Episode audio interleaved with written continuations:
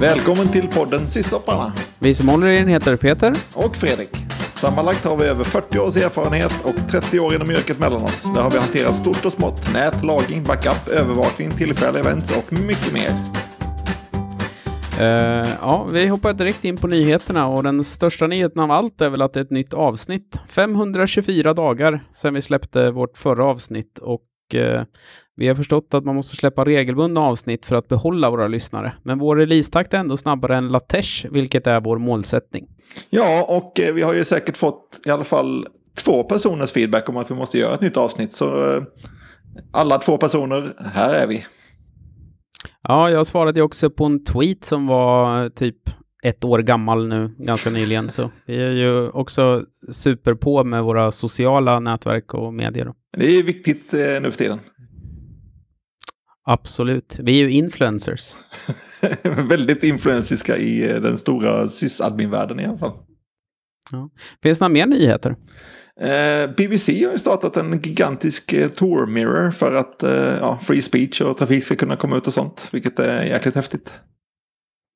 Ja, precis. Det kanske är någonting som får att liksom Tor kommer ifrån bara knark, droger och vapen på internet. Ja, tidigare så har väl typ eh, NSA och CIA haft de största tornoderna. Så det kan vara kul med att andra sidan eh, släpper någonting där tycker jag. Ja, absolut. Vad har vi mer då? Uh, ja, goda nyheter. Vi är ju stora Grafana-fanboys i den här podden och de har tydligen fått in en Series A-funding på 24 miljoner dollar som de skriver i sin egen blogg att de ska använda för att eh, accelerera open source-utvecklingen. Och då får vi väl anta att det kommer mycket mer paneler, data sources och så vidare och så vidare.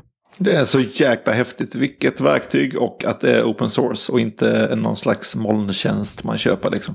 Det kan man förstås göra också, men det är helt sjukt att man kan göra det och köra det själv. Liksom. Ja, exakt. Och det som är så bra är att jag har hittills inte försökt koppla in någon uh, data source eller så som inte har funkat direkt. Liksom. Det, har varit, det är så himla solitt och det funkar som förväntat hela tiden. Vilket ja, är väldigt precis. Trevligt. Även om man har många användare och mycket paneler och data och sånt. Så visst, man kanske optimerar backenden ibland, men uh, annars är det ju kanonbra verktyg alltså. Ja, det som är så himla bra med Grafana tycker jag att det är, så, det är ju ganska lätt att sharda. Alltså, du behöver ju inte ha en massiv Grafana-installation, utan du kan ju ha en Grafana per team, men som använder massor av data sources. Så man kan ju ha både liksom centrala data sources på ett Enterprise och sen ha lokala data sources för sitt eget team och så här i samma Grafana och sen har varje team egna Grafana-installationer med olika dashboards och så vidare. Jag tycker det är otroligt kraftfullt verktyg och väldigt flexibelt på ett bra sätt. Ja, och att deras webbinterface till och med funkar på en Raspberry Pi är ju väldigt imponerande. Alltså. Ja, jo precis, men det är för att allting är JavaScript så det körs ju i princip i browsern det mesta. Det är ju bara API-ropen som körs server-side som jag Precis, förstår. det är fantastiskt alltså. Ja, mycket bra, mycket bra. Eh, jag såg att de har släppt Grafana 6.4 nu också, vilket också är trevligt. Ja, det är uh, bara more of the same och bättre och sådär. Mm. Vad var det för eh, versioner som släpptes förra gången tror du? När vi hade avsnitt. Oj, det måste vara typ 6.0 eller någonting. Det var ju då man kunde skala om saker och flytta och dra och släppa. Ja, just det, man, just det. Förut fanns det ju bara, man, förr var det ju så här fasta rader. Och sen kunde man ju bara dela, alltså. dela upp dem i rader liksom. Men nu kan man ju dra och släppa dem och så här. Så nu har man ju alla möjligheter att göra sönder sin dashboard. Jättenice. Precis så är det. Yes. Ja, jag ska pusha lite för WireGuard också. Eh, som ett alternativ till eller komplement till OpenVPN kanske. Ja, eller IPsec eller vad man nu kör för VPN-tunnlar. Uh, jag så läste idag om det att de uh, håller på, de hänger på låset för att få komma in i mainline Linux. Och det var väl planerat för 5.4 men det verkar skjutas lite på då. Men mm, det, uh, det kommer ju så småningom.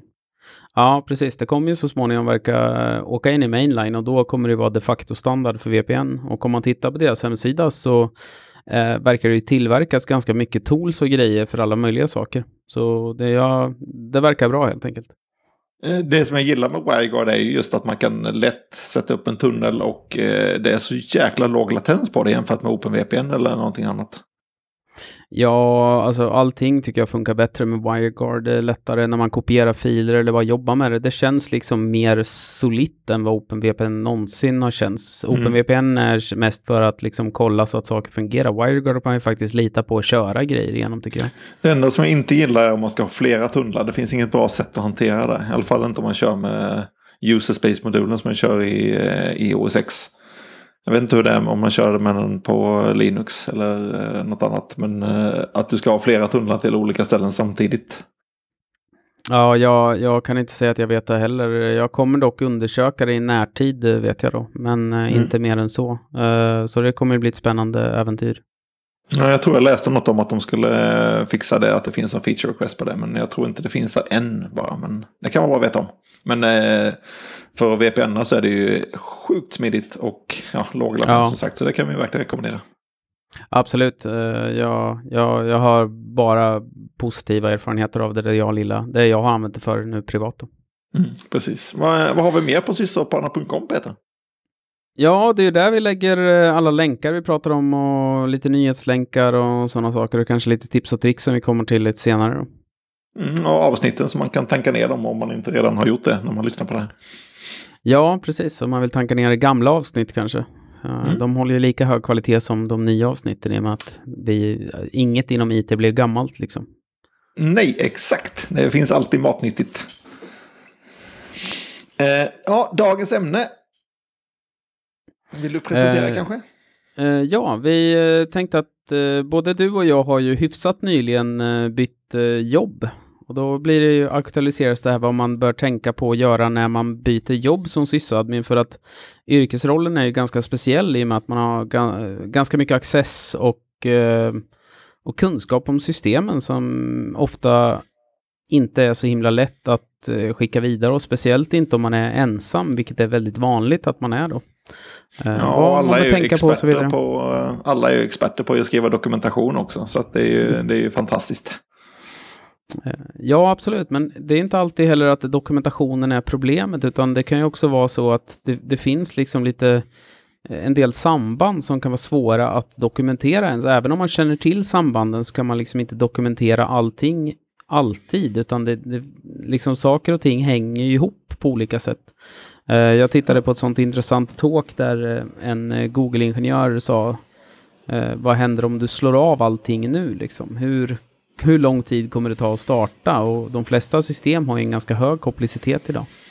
Mm, ja, det finns så många komponenter. Även om man gör ett enkelt system så är det fortfarande komponenter och redundans och allting sånt som gör det väldigt komplext. Bara, bara få en överblick över hur, hur sakerna sitter ihop är ju en, en eh, väldigt bra början. Liksom, om man kan dokumentera det och lämna över. Ja, exakt. Precis, och det, det är ganska viktigt att, att tänka på och vad som är viktigt. Och en sak som jag brukar göra eh, när jag lämnar ett jobb, det är att jag gör klart de där riktiga surdegarna och dokumenterar upp dem och, och sådär. Och sen även att jag sunsetar så mycket som möjligt som jag vet är på gång att ska tas väck. Och det passar jag på att tas väck medan jag vet att det går att ta bort. För det är ju inte direkt det första du gör när du kommer till ett nytt jobb och bara, äh, men det här kan vi riva bort, det används säkert inte. Nej, det, det, är kanske det sista som händer på ett ställe att man tar bort någonting gammalt. Liksom. Att surdegarna försvinner, det känns ganska osannolikt. Liksom. Så det, är, det är ja. en fantastiskt bra tips. Jo, precis. Så att eh, jag brukar ju prioritera att, att ta, bort gamla, alltså, ta bort saker som inte används istället för att till exempel uppgradera den där servern eller så där. För det är sånt mm. som en ny sysadmin mycket lättare kan göra än att bara kunna ta beslutet att ja, den här LDAP-servern har inga dependencies kvar, nu kan vi riva ner den. Mm. Hur tänker du med eh, SSH-nycklar och sånt? Eh, lägga in eh, den nya personens nycklar eh, som ska ta över eller typ hand over the, the keys liksom till hur tänker du? Eh, jag tänker alltid att den nya personen får ha egna nycklar som läggs in i systemen. Och sen blir det ju den personens ansvar att se till så att gamla nycklar försvinner, så att säga om det är SSH-nycklar som gäller. Mm. Utan och ä- även om jag skulle lämna över mina nycklar så är det ju inte som att det är en fysisk sak jag lämnar över, utan jag kan ju ha tusen kopior av den där nyckeln. Det vet ju inte den personen liksom. Nej, så jag att, tänkte mest för att om man har glömt att lägga in den personens nycklar på något system eller något, liksom, då får de lära sig hacka det själva. Uh, ja, alltså det, det är ju ett, det är ju såklart ett problem, men det är ju om man inte har någonting i sin configuration management så borde man kanske ha sina SSH-nycklar där i alla fall. Mm. Ja, absolut. Så att man vet att det kommer pushas ut åt alla håll och sådär. För att rätt som det är så har man en perfect storm där man losar alla sina nycklar liksom eller någonting. Mm. Och då kanske man fortfarande kan komma åt sin CM-system på något sätt. Jag vet inte. Mm. Nej, det för oss in på nästa punkt som är hur hanterar man om de ringer panik efteråt också? Ja, det där är ju en intressant fråga. För min egen del så har det varit så att där har det handlat väldigt mycket om hur jag har lämnat och framförallt hur min efterträdare har betett sig. Jag har bara blivit ringd till kanske tre gånger under min karriär. Två gånger har jag hjälpt dem och en gång har jag inte hjälpt dem. Och det handlade mest om hur, hur överlämningen sköttes från den som joinade faktiskt. Ja, jag tänker mig också att hur man lämnar företaget om man bara har blivit rekryterad till ett nytt ställe. Eller om man liksom blir utkastad eller slutar in anger. Liksom. Vad, man, vad man egentligen gör. Liksom. Så att det finns på någon slags personlig nivå ja. där också beroende på hur, man, hur avslutet såg ut. Liksom. Ja, verkligen. Det är ju en uh, tvådelad sak. Jag, uh, jag har aldrig slutat in anger direkt, utan jag har lämnat on good terms på alla mina jobb som jag har slutat, så att säga. Så jag kan inte riktigt svara för det. Men där kommer ju inte den där lite, lite tankenöten som jag själv tänker på. Om det går att bygga ett system som är säkert mot en själv. Alltså för villfull, alltså att man gör sönder saker med flit. Kan jag designa ett system som jag inte vill med vilje kan ha sönder? Liksom? Ja, det är en fantastiskt bra fråga. Jag vet inte om det passar för det här avsnittet, men eh, jag tror att det är väldigt svårt. Eh, framförallt för att man är väldigt kreativ och kanske kan utnyttja svagheter i någonting också, liksom, för man vet. Ah, ja. Har de uppdaterat de här systemen så har de inte uppdaterat de här, för det har de nog inte tänkt på och så vidare. Så det är nog ja, fantastiskt svårt. Precis, och man känner ju också till single points of failures eller kanske veka punkter och så vidare. Så, alltså det, det, finns, mm. det är en otroligt intressant frågeställning som jag har funderat själv på väldigt, väldigt mycket. Just för att varje gång man läser om så här, ja, en sysadmin fick sparken och bla bla bla, krypterade det här, gjorde det här, bla bla bla. Går det att skydda sig mot... Jag tänker bara en... på hela Edward Snowden och eh, lämna, sticka iväg liksom. Ja, exakt. Ja, det är en intressant fråga tycker jag. Mm, ja, det är väldigt intressant. Sen är det också eh, om det är någon junior som ska ta över så att det finns backuper och eh, ja, allt funkar som det ska innan det slutar. För att det kanske är någon som inte riktigt vet om det. Det kan vara ett konsultbolag också för den delen. Någon som inte riktigt eh, brinner eh, för företaget 100% kanske.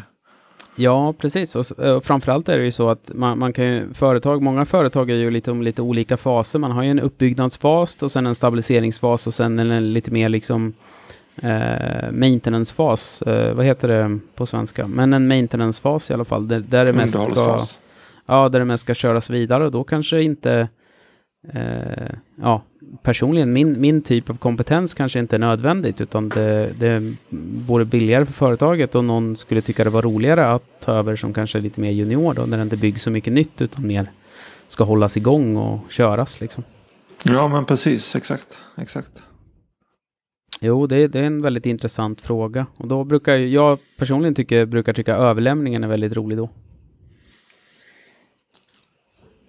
På ett bra eller dåligt sätt menar du? Ja, ja på ett bra sätt. Alltså, de, de är oftast väldigt sugna på att, att hoppa in i det för det är nytt och spännande. Liksom. Ja, och då okay, brukar jag, jag tycka att den överlämningen är väldigt rolig. Att det var, att det var tvärtom. nej, nej, nej, nej, utan jag, jag tycker att det är roligt och ja. intressant att se hur, hur en person liksom kommer in i det här som är väldigt stort och spännande för dem. Eh, mm. Som har varit min egen vardag under kanske ett antal år. Då. Mm, ja, men precis, precis. Eh, har vi något mer att säga om att lämna gamla jobbet? Eller ska vi gå över på eh, om man börjar nytt jobb kanske? Nej, jag tror inte det faktiskt. Ja, precis. När man börjar ett nytt jobb. Vad tycker du är den största utmaningen när du börjar ett nytt jobb som sysadmin specifikt? Jag tror absolut det är att sätta mig in i hur systemen sitter ihop. De säger ja men nu har vi vår eh, ADS som sitter ihop med BDC här. Alltså, jaha men mm, va, vad är vad och var sitter de och vilka länkar och hur det är uppkopplat, vilka adresser och vad är det för logins på de här systemen och allting sånt. Liksom. Oftast så kör ju inte alla bara Linux-burkar med SSH utan det finns alltid något konstigt jäkla system som man hittar en garderob någonstans. Liksom. Ja, exakt. Och framförallt är det ju alla in, inhouse-uttryck och vad saker heter och eh, vissa har ju liksom haft sju olika namngivningsstandarder. Rätt vad det är finns det så här den här gruppen av servrar från den här tidsepoken heter från den här filmserien och den här tids servrarna från den här tidsepoken heter något helt annat. Ja, eller att man jobbar på något eh, som har, varit, eh, som har funnits i 50 år så att det finns liksom legacy-system som inte ens... De slutade uppdatera dem när man började skolan typ. Liksom. Ja, exakt. Jag har tack och lov inte jobbat, jobbat direkt med så supergamla system, vilket är väldigt skönt. Jag gillar ju ja, nya grejer, jag gillar inte gamla. Ja, oftast finns det ju någon sån här gammal räv som sitter och håller koll på dem, så att det brukar lösa sig ändå. Men eh, någon gång så får man säkert ta över det där också, så det, det är spännande. Men då, då tycker jag att dokumentation och bara någon slags överblicksbild, även om det oftast inte är en äkta överblicksbild, utan någon slags, så här skulle det egentligen sett ut om vi hade gjort som vi hade tänkt. Och inte behövt att hantera verkligheten. Liksom. Men eh, hittar man en sån kartbild så brukar det vara en bra början i alla fall. Eh, ja, verkligen. Och då kan man ju också börja rita och fylla i en sån också. För det är ju alltid saker som är glömda i dokumentation och sådär. Mm. Ja, exakt. Um, det tycker jag också. Sen tycker jag brukar vara alltid intressant att komma till ett nytt ställe och se vad de har för liksom access policy. Mm, jag har ju gjort allt ifrån delat rotlösenord till att man bara så här, här är min SSH-nyckel och sen frupp så hamnar den på allting till att jag måste söka efter accesser i någon LDAP-portal liksom. Mm, ja, precis. Och det är också så här mycket läggarsystem och sånt man har som kan påverka där. Men jag tänker mig att nu har jag kommit in i, som är här på, på mitt nuvarande jobb, att man kommer in och kan ta de besluten och byta från något gammalt till något nytt i alla fall. Och då kan man ju ta med sig de erfarenheter som man själv fick när man började på bolaget och säga att okej, okay, när vi började så var det en eh, textfil med SSH-lösenord, nu kanske vi ska göra något, gå till nästa nivå. Liksom. Ja, exakt. Och det där kommer ju glida vi in till nästa frågeställning som vi har här, att eh, när kan man börja föreslå förändring?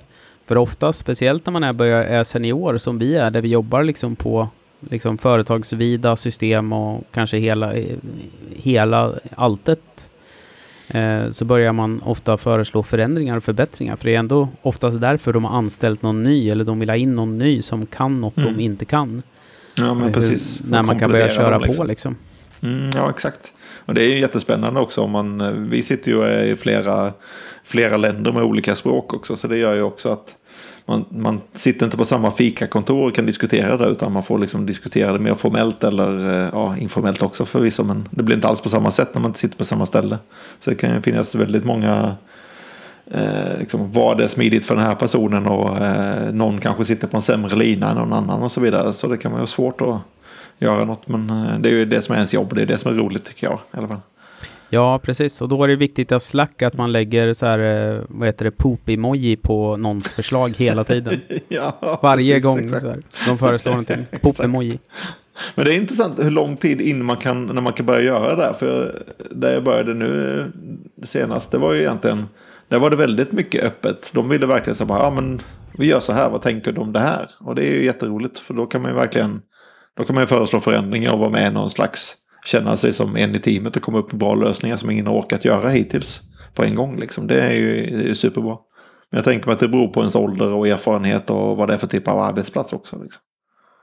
Ja, verkligen. Och ibland, om man har tur så kommer man in med en kunskap som är precis en lucka på företaget. Då kan man ju bara hoppa ner direkt och göra en quick win. Att man har mm. någonting som man har gjort massor av gånger som man bara hoppar i och bara tada! Ja, som precis. är helt nytt för dem. Och så blir alla jätteglada. Ja, exakt. Jag har jobbat på två olika eh, ställen då, där det ena stället fick man, tog de aldrig några beslut att göra några förändringar alls och det här på ett annat ställe så är alla jättepepp. Och jag föredrar det senare kan jag säga. Ja, annars kan det ju lätt bli så att de, eh, det är ingen som vågar ta ett beslut på att göra en förändring. Och sen så blir det istället, istället för ett system som man har bestämt så blir det tre olika system som ingen riktigt har bestämt och alla är lite i produktion. Ja, exakt. Lite Vilket i produktion, är det är det bästa. Mm, precis, som man inte vet riktigt. Kan jag stänga av det här? Bara, Nej, men det används av Bosse och han är inloggad där ibland. Och då han har något cron-skript som körs och kör någon curl mot någon konstig host. Liksom. Mm. Eh, en sak jag har märkt nu när man... Eh, eh, en sak jag har märkt nu när man jobbar eh, med många människor remote och video. Vissa är på kontoret och vissa jobbar hemma eller på andra ort och så vidare. Eh, en sak som jag föredrar gillar det är när alla är på video enskilt. Så att mm. det inte är liksom en liten grupp som sitter och pratar i ett rum med varandra utan alla kör video på möten så att alla är liksom på samma, vad ska man säga, samma bana liksom. Mm, det, det gillar jag också. Vi kör ju med Mumble ganska mycket för snabba samtal också. Det är ju inte video mm. förvisso men att man bara kan joina en kanal, alla har det igång så någon bara, du kan ju bara ta ett snabbt snack och så hoppar man in där. Eller typ Discord eller whatever som funkar. Men ja, någonting som är väldigt smidigt som alla har liksom. Ja, precis. Det, det är så här bra. Det där är ju en så här vad ska man säga, en erfarenhetsgrej också. Eh, vad folk är bekväma med. Det kan ju variera väldigt mycket i, i organisationer liksom. Ja, och typ av personer och allting sånt också. Liksom. Ålder och allt möjligt. Det kan ju verkligen vara en, eh, något som folk är glada för eller tycker bara är jobbigt att de måste göra på ett visst sätt. Liksom. Ja, verkligen. Ja, jag har ju kört, eh, vi kör ju mycket Google Hangouts nu. Och det mm. funkar riktigt bra faktiskt. Uh, jag, är, jag är rätt imponerad av hur bra det funkar. Jag har ju kört uh, Eh, flera andra videomötessystem förut då, typ två, tre olika andra och de funkar inte alls lika bra som Google Hangouts. Jag tycker det funkar riktigt, riktigt bra. Mm. Ja, de har lagt ner svinmycket jobb på det tror jag. Ja, pengar. framförallt. det är väl det som ja, det, liksom. Men framförallt kan man se så här om någon delar en skärm i ett möte så kan man faktiskt se vad det står. Det är inte bara en sönderkodad eh, soppa av färgblobbar typ. jag vet exakt vad du menar. Ja. Det är kanske det mest tragiska som finns. Bara, det här, du kan lika gärna stänga av för jag ser inte vad det är ändå. Liksom. Ja, precis. Någon slänger upp ett Excel-ark och bara, ja, jag ska få plats med alla rader. Man bara ser. Ja, det är någon squiggly lines. Här också. ja, exakt. Ja, vad tänker där... du om att jobba på ett fysiskt kontor eller remote? Eh, vad tänker du där? Eh, ja, jag vet inte riktigt vad jag föredrar. Alltså, kontoret är ju trevligt när, när, liksom, när det är trevliga människor och ett najsigt kontor. Mm. Eh, men eh, remote eller hemifrån är ju schysst, för jag känner själv att jag får väldigt mycket mera gjort när jag sitter hemma. För mm. att det blir inte så mycket mikro pauser Nej, för att man blir störd. Det är också så här på gott och ont att man, man får mycket mer tid att tänka på ett problem och man får inte de här eh, någon som bara du förresten. Och sen kan det vara något som är relevant eller så kan det vara ja men har du sett det här på tv liksom man vet aldrig vad det kan vara för något. Samtidigt mm. så är det ju att bara kunna ta tag i någon och säga du den här konstiga grejen som du byggde förra veckan vad, vad tänkte du här egentligen liksom. Så det är verkligen, eh, det finns både och liksom. Både och är bra. Men eh, jag tror jag skulle kunna klara mig på att jobba remote faktiskt. Det tror jag absolut. Eh, jag tror också jag skulle kunna klara mig att jobba remote helt. Men just det företag jag jobbar på nu är supertrevligt för att alla är jätte, jätteduktiga. Mm. Det finns liksom, det är, det är första gången jag jobbar på ett företag där man inte har någon person som man bara, jag fattar inte vad den här personen gör.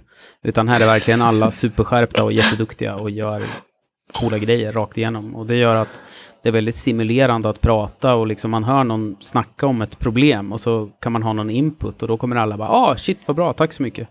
Och det är mm, väldigt ja, men roligt. Precis. Det är liksom det här hela rubber ducking grejen tycker jag är superviktigt också. Att man bara att har man något problem så kan man bara börja prata med någon och så alla fattar kanske inte hundra procent men de har ändå någon slags ja men det låter som att det borde vara så här eller någonting fast de kanske inte ens är involverade i det så att sånt är så sjukt eh, positivt för ens eh, utveckling också tror jag. Ja verkligen. Eh, det är jätteviktigt. Ja, har du något mer att tillägga? Har du haft någon rolig utmaning på ditt när du började nya jobbet eller du det var bara så mycket att göra så det bara trillade rakt ner i det. Nej, jag tror mer där var det ju att eh, han som hade hållit på med det inte höll på med det längre. Så att jag fick på något sätt eh, bara här finns det massa grejer, fixa så det blir bra. Och så fick jag gå in och göra det och det var superroligt för då kunde man både uppdatera och flytta runt och eh, göra saker som jag tyckte passade bättre. Liksom. Som att, ja Kit, det här kan vi köra, men vi kan köra det här som är gjort det här årtusendet. Liksom. Eh, det var roligt. Ja. Eh, men annars vet jag inte. Det, är ju, det beror på så mycket på arbetsplatsen så det är svårt att säga något här generellt. Liksom. Men mm. jag tror att man ska... Det är som alltid när man ska eh, prova någonting som är nytt. Man ska hitta information så mycket man kan. Och på något sätt sätta sig in i en bild så att man kan ge lite intelligenta frågor direkt när man har börjat. Så att man inte bara vad är det som händer utan försök att fråga efter finns det någon dokumentation, finns det några mejl eller någonting jag kan läsa som, som visar hur det här är uppbyggt. Och sen när man har gjort det då kan man ställa lite mer intelligenta frågor och veta vad som ja, få reda på mer hur saker och ting sitter ihop. Liksom. Det är lättare att fråga folk när man har någon slags referensram. Liksom. Ja, exakt. Eh. Och sen tycker jag det är också viktigt för min egen del. Jag filtrerar ganska hårt första dagarna för saker som jag inser det här är inte relevant just precis mm. nu. Liksom.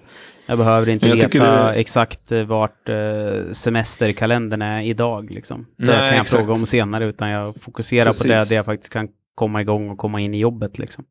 Ja, jag tycker det är viktigt också att eh, om man försöker, nu beror det i sig på hur man är som person också tänker jag med hur man social och sånt man är, men att man försöker hitta någon person som har jobbat där länge och som har erfarenhet och som är bra på att lägga det på en vettig nivå. Någon som inte ska beskriva allting i detalj utan som kan säga bara ja men eh, ja du behöver veta det, ja men då kan du prata med han eller ja, så här satte vi upp det en gång i tiden eller något sånt. Så det gäller att hitta den där personen så att man kan komma vidare lätt liksom. Det brukar alltid finnas någon som vet allt på något sånt här ställe om det inte är helt nytt. Ja, eh, absolut. Det, och de brukar ju kristallisera sig ganska fort. Mm, ja, precis. Man får nog bara fråga runt lite. Ja, precis. En annan sak som jag tycker kan vara viktig på ett nytt jobb också. Det är ju om, om man som sysop har någon slags on-call. Så att man lär sig vad det är som brukar hända på de här on-call-funktionerna och eh, ja, hur det går till generellt. Liksom. Så att man inte bara helt plötsligt säger bara ah, nu är det du som har jouren och sen så eh, vet man inte ens vad man ska göra om, det, om någonting händer och det eskalerar. Liksom. Ja, där är väl, eh, om man har on-call eller beredskap, eh, där är ju mitt bästa tips när man är ny att faktiskt sätta sig ner och lära sig larmsystemet de använder och hur man eh, ackar larm och så vidare. Men framför allt att gå igenom false positives för att där är det någonting som någon aldrig brukar orka sätta sig och det är också ett väldigt bra sätt att lära sig systemet, att börja fråga. Den här grejen som är röd, ta ut lite rapporter och sådana saker, för där kan man ju också börja bli lite produktiv. För det är sådana surdegar som någon oftast inte har tid eller orkar eller lust att sätta sig med. Men när man är ny så har man ju oftast ganska mycket ork och mycket tid att faktiskt ta tag i en sån grej och faktiskt ta väck den liksom. Ja, jag har märkt också att om man, eh, om man lyssnar på möten och sånt där folk säger ja men det här och det här hände och det visste vi inte om. Och då kan vi på något sätt fundera över, okej okay, men kan jag hjälpa till att skriva någon check, check som gör att vi får reda på det innan det händer eller åtminstone någon slags varning som kan vara intressant och relevant för någon. Liksom. Ja, eh, exakt. Det kan vara jättebra. Och även dokumentera den varningen. Eh, typ att ja, men, det finns ett dokument som beskriver det här systemet här och så kan man lägga en länk på det i den varningen så att man Ja. Man, man ser det direkt liksom. Ja, precis. För det, det är liksom oftast ganska begränsade grejer och, och eh, eh, då lär man sig. Det, då får man lite insikt i just det systemet. Ja, och alla blir glada att man har eh, tagit tag i en surdeg som ingen har orkat baka något av. Exakt så. Ja, jag tycker vi är ganska nöjda där va? Mm, ehm, Ska vi gå vidare till vår eh, fasta punkt eh, tips och tricks som idag bara ja. handlar om SSH i princip. Så det blir tips och tricks SSH. Ja, vad häftigt. Eh, du får börja. Ja, det finns ju en hyfsat ny funktion som heter Proxy Jump där man kan antingen lägga ut en Proxy Jump Host, alltså om man har en Jump Host för att komma in innanför nattade, på nattade nät eller innanför brandväggar och sånt. Det brukar ibland kallas Bastion Host också. Eh, och det kan man antingen lägga in i sin SSH-config eller slänga på eh, växeln streck stora J för jump host eh, på din speciella kommandorörelserad i din dator. Ja, och eh, jag gillar den här gruppera SSH-växlar. Att eh, säga att man vill logga in som eh, user bar på alla system som heter någonting med foo.com. Då kan man lägga host stjärna.foo.com till exempel och sen alla parametrar som man vill sätta under där. Så att Eh, ja. Då matchar den på hostnamnet istället. Jo, precis. Eller, ja, eh, jag tänkte bara säga att på hosten så kan man även lägga, man kan lägga flera namn på samma host. Så att ett system som heter eh, Foo kan även heta Foobar. Man bara lägger till det namnet efteråt. Och man sätter en, en, ett hostname under så att den är så till. Så att då kan man ha olika alias till samma maskin. Liksom. Ja, precis. Uh, och sen är det också så att den config-filen den uh, läses ju uppifrån och ner så ju, ju vidare, uh, vidare matchningar längre ner då. Alternativt mm. om man alltid vill använda en viss typ av grej så lägger man det på hoststjärna högst upp så kommer det appliceras på alla under och sådär. Ja, sen att man kan ha hoststjärna och sen utropstecken, men inte på den här hosten också om man vill göra något annat häftigt på en eh, särskild host. Ja, precis. Och den eh, absolut vanligaste kommentaren, eller grejen där är väl när man har en git testserver där man ska använda user git och inte sin egen användare eller någonting annat. Då. Mm, det, är, det är ett bra, bra exempel. Mm. Eh, jag har en annan grej och det var att jag skulle kopiera en stor databas. Och då skulle jag R-synka med SSH hade jag tänkt. Och det gjorde jag också. Och eh, då kan det vara värt att titta på vilken som är den snabbaste SSH-ciphern som man stödjer.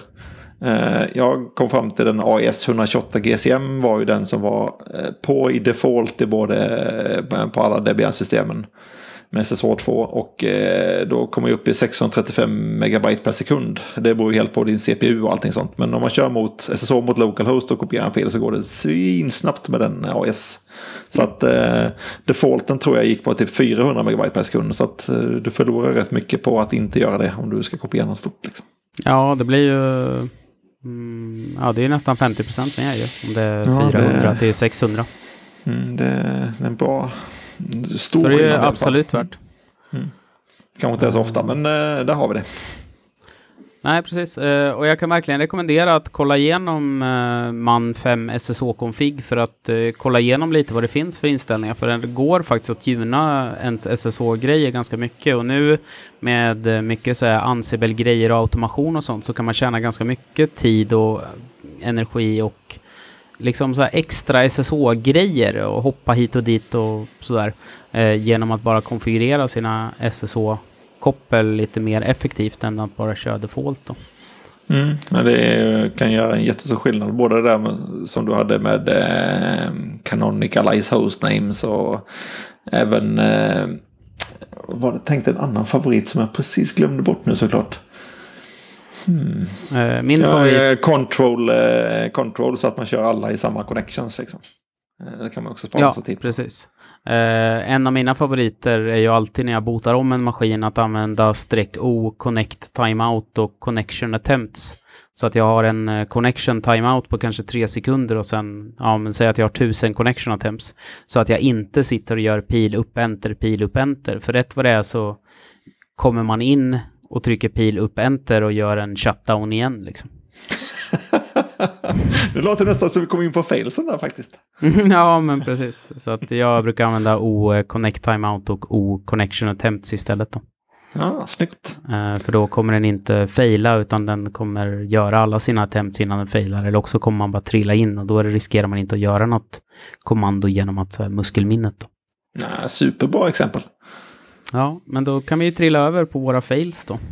Mm. Du hade uh, jag kan ju, Ja, precis. Jag testade en ny databas, en distribuerad databas och eh, normalt när man har sådana serials i, eller sekvenser i eh, databaser så börjar de vid 1 och sen räknar de uppåt så man begär ett, ut ett nytt värde.